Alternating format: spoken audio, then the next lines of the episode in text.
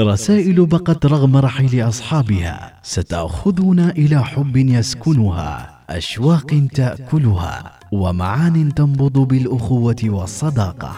البريد السري مع سميرة الفطيسية.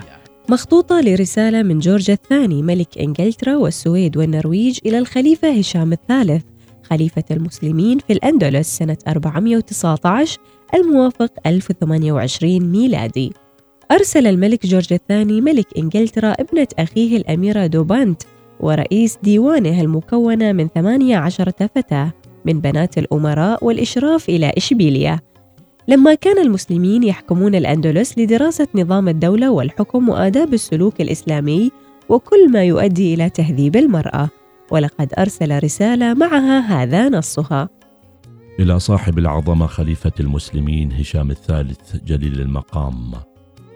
من جورج الثاني ملك إنجلترا والسويد والنرويج إلى الخليفة ملك المسلمين في مملكة الأندلس صاحب العظمة هشام الجليل المقام. بعد التعظيم والتوقير فقد سمعنا عن الرقي العظيم الذي تتمتع بفيضه الضافي معاهد العلم والصناعات في بلادكم العامرة.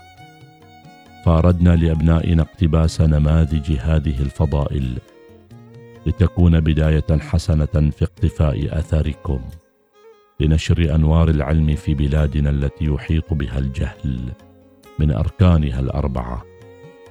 وقد وضعنا ابنته شقيقنا الأميرة دوبانت على رأس البعثة من بنات أشراف الإنجليز لتتشرف بلثم أهداب العرش والتماس العطف. وتكون مع زميلاتها موضع عناية عظمتكم وفي حماية الحاشية الكريمة والحدب من قبل اللواتي سوف يقمن على تعليمهن. وقد أرفقت الأميرة الصغيرة بهدية متواضعة لمقامكم الجليل. أرجو التكرم بقبولها مع التعظيم والحب الخالص من خادمكم المطيع جورج ملك إنجلترا. فكان جواب الخليفة الأندلسي هشام الثالث بسم الله الرحمن الرحيم. الحمد لله رب العالمين والصلاة والسلام على نبيه سيد المرسلين وبعد. إلى ملك إنجلترا وايكوسيا وإسكندنافيا الأجل. اطلعت على التماسكم فوافقت على طلبكم بعد استشارة من يعنيهم الأمر من أرباب الشأن. وعليه نعلمكم أنه سوف ينفق على هذه البعثة من بيت مال المسلمين. دلالة على مودتنا لشخصكم الملكي. أما هديتكم فقد تلقيتها بسرور زائد. وبالمقابل أبعث إليكم بغالي الطنافس الأندلسية. وهو من صنع أبنائنا هدية لحضرتكم وفيها المغزى الكافي للتدليل على التفاتتنا ومحبتنا. والسلام. خليفة رسول الله في ديار الأندلس. هشام الثالث.